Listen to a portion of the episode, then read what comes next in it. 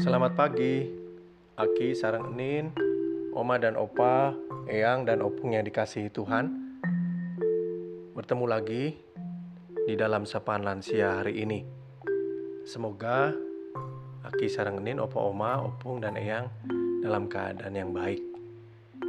Ataupun tidak dalam keadaan yang baik, saya mau mengajak kita semua dikuatkan oleh firman Tuhan yang hari ini firman Tuhan diambil dari 1 Yohanes 4 ayatnya yang ke-7 sampai 12. Begini bunyi firman Tuhan.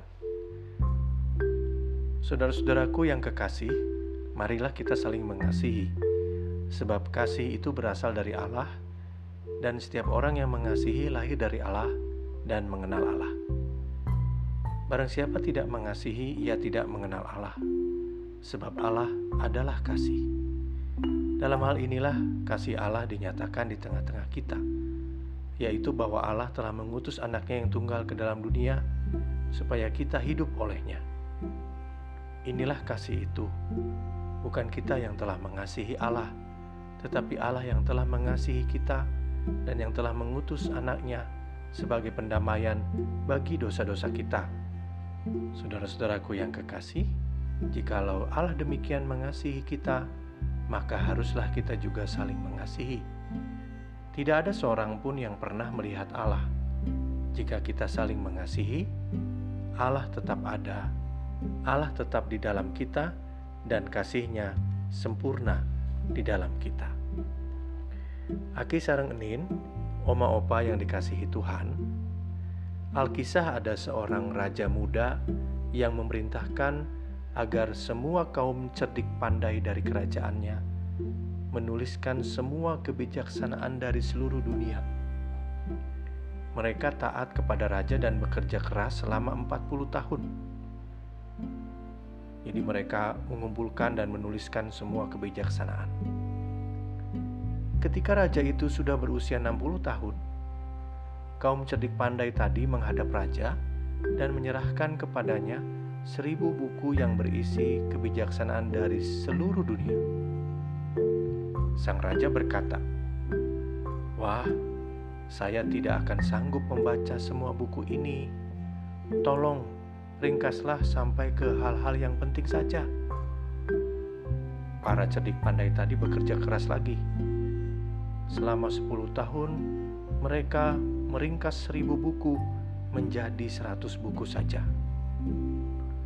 Lalu mereka kembali lagi menghadap raja dan menyerahkan 100 buku itu. Ah, ini masih terlalu banyak, kata sang raja. Saya sudah 70 tahun usianya sekarang. Ringkaslah lagi sampai hal-hal yang paling mutlak saja.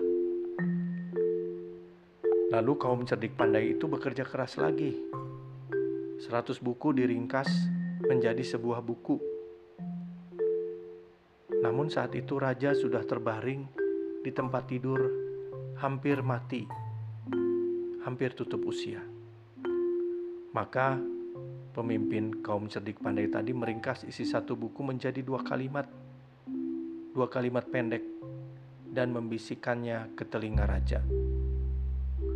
Manusia hidup, menderita, dan mati yang paling bertahan lama hanyalah cinta kasih. Oma Opa, Aki Sarang Enin, Eyang yang dikasihi Tuhan dan juga Opung,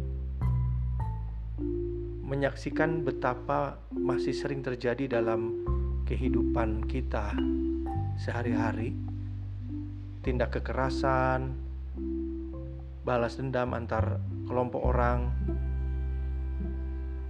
kita bisa bertanya-tanya dalam hati. Kalau suatu saat atau mungkin Aki Sarang Enin pernah difitnah mengalami tindak kejahatan dari seseorang. Bisakah kita memaafkan orang tersebut? Bisakah kita tetap mencintai dan mengasihi dia? Bisakah kita berbuat baik untuk orang yang memusuhi kita. Aki Sarengnin, ajaran-ajaran Yesus tentang kasih rasanya melawan kecenderungan manusia yang mau mencari keuntungan untuk diri sendiri. Yesus pernah mengajarkan, barang siapa kehilangan nyawanya karena aku, dia akan menyelamatkan nyawanya. Barang siapa merendahkan diri akan ditinggikan. Barang siapa ingin jadi muridku, hendaklah dia menyangkai, menyangkal diri, memikul salibnya, dan kemudian mengikut aku. Itu beberapa paradoks yang menunjukkan nilai kerendahan hati, ketaatan, dan terutama cinta yang terwujud dalam pelayanan tanpa pamrih. Rasa-rasanya memang perintah Tuhan Yesus ini sulit untuk dilakukan dan dihayati ya. Tapi bukankah sebetulnya Tuhan Yesus tidak pernah membebani kita dengan pikulan yang lebih melebihi kekuatan kita sebagai manusia? Bukankah Dia menginginkan agar kita kembali ke hal yang paling dasar ya, yaitu cinta kepada Allah dan cinta kepada sesama. Tidak ada lagi yang lebih alami dari itu. Bukankah Aki, Sarang Nin, Opa, Oma, Opung, kita semua diciptakan karena cinta dan untuk cinta, dan kita pun diminta untuk mencinta dan mengasihi. Aki Sarang Nin, kalau hal yang paling dasar ya bisa kita terima sebagai prinsip hidup. Sebagian besar dari kita kiranya tidak dituntut untuk melakukan tindakan-tindakan besar seperti halnya seorang martir. Kita tidak seperti itu, mungkin kita tidak bisa. Tetapi kita bisa melakukan tindakan-tindakan sederhana disertai pengingkaran diri, disertai pengorbanan yang sudah cukup membuat hati Tuhan berkenan kita misalnya rela bangun dari tidur untuk menghibur mereka yang sedang bersedih. Kita rela untuk datang jauh-jauh untuk dapat membantu seseorang yang sedang kesulitan. Kita rela meninggalkan hal-hal yang menjadi hobi dan kesukaan kita untuk sesuatu yang lebih penting dan lebih utama. Hal-hal kecil seperti itu, Aki sarang enin, oma dan opa, yang kadang-kadang terasa menggigit.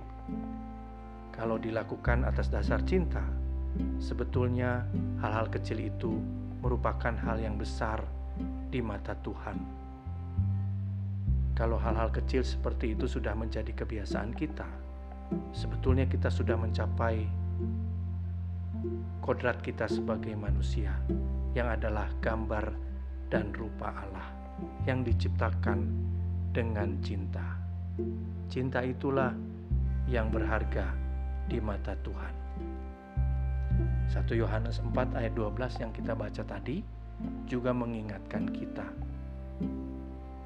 Jika kita saling mengasihi, Allah tetap di dalam kita dan kasihnya sempurna di dalam kita. Ayat inilah yang menjadi penuntun kehidupan kita di hari ini dan seterusnya. Tuhan menyertai Aki Sarang Enin, Oma, dan Opa. Amin. Mari kita berdoa. Terima kasih Tuhan untuk hari yang indah, hari yang baru yang Tuhan berikan kepada kami yang di dalamnya ada berkat Tuhan yang kami nikmati. Kami bersyukur sebagaimana kami adanya saat ini. Dalam kondisi apa pun kami pada saat ini, kami tahu kalau Engkau adalah Tuhan yang adalah kasih adanya, yang senantiasa mengasihi kami, menerima kami apa adanya. Dengan cinta yang besar, Engkau merangkul kami menuntun kami, menyertai kami setiap waktu, setiap saat. Dan atas dasar cintamu itulah kami tahu bahwa ketika kami saling mengasihi, Engkau tinggal dan diam bersama-sama dengan kami, meskipun tantangan kenyataan hidup kami membuat kami surut dalam semangat, membuat kami ragu. Namun hari ini Engkau mengingatkan kami untuk kami tetap menyatakan cintamu itu dalam kehidupan kami setiap hari.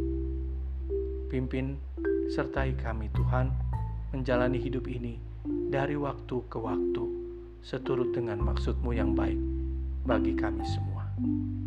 Inilah doa kami dan pernyataan syukur kami atas cintamu yang besar itu. Di dalam Kristus kami berdoa. Amin. thank you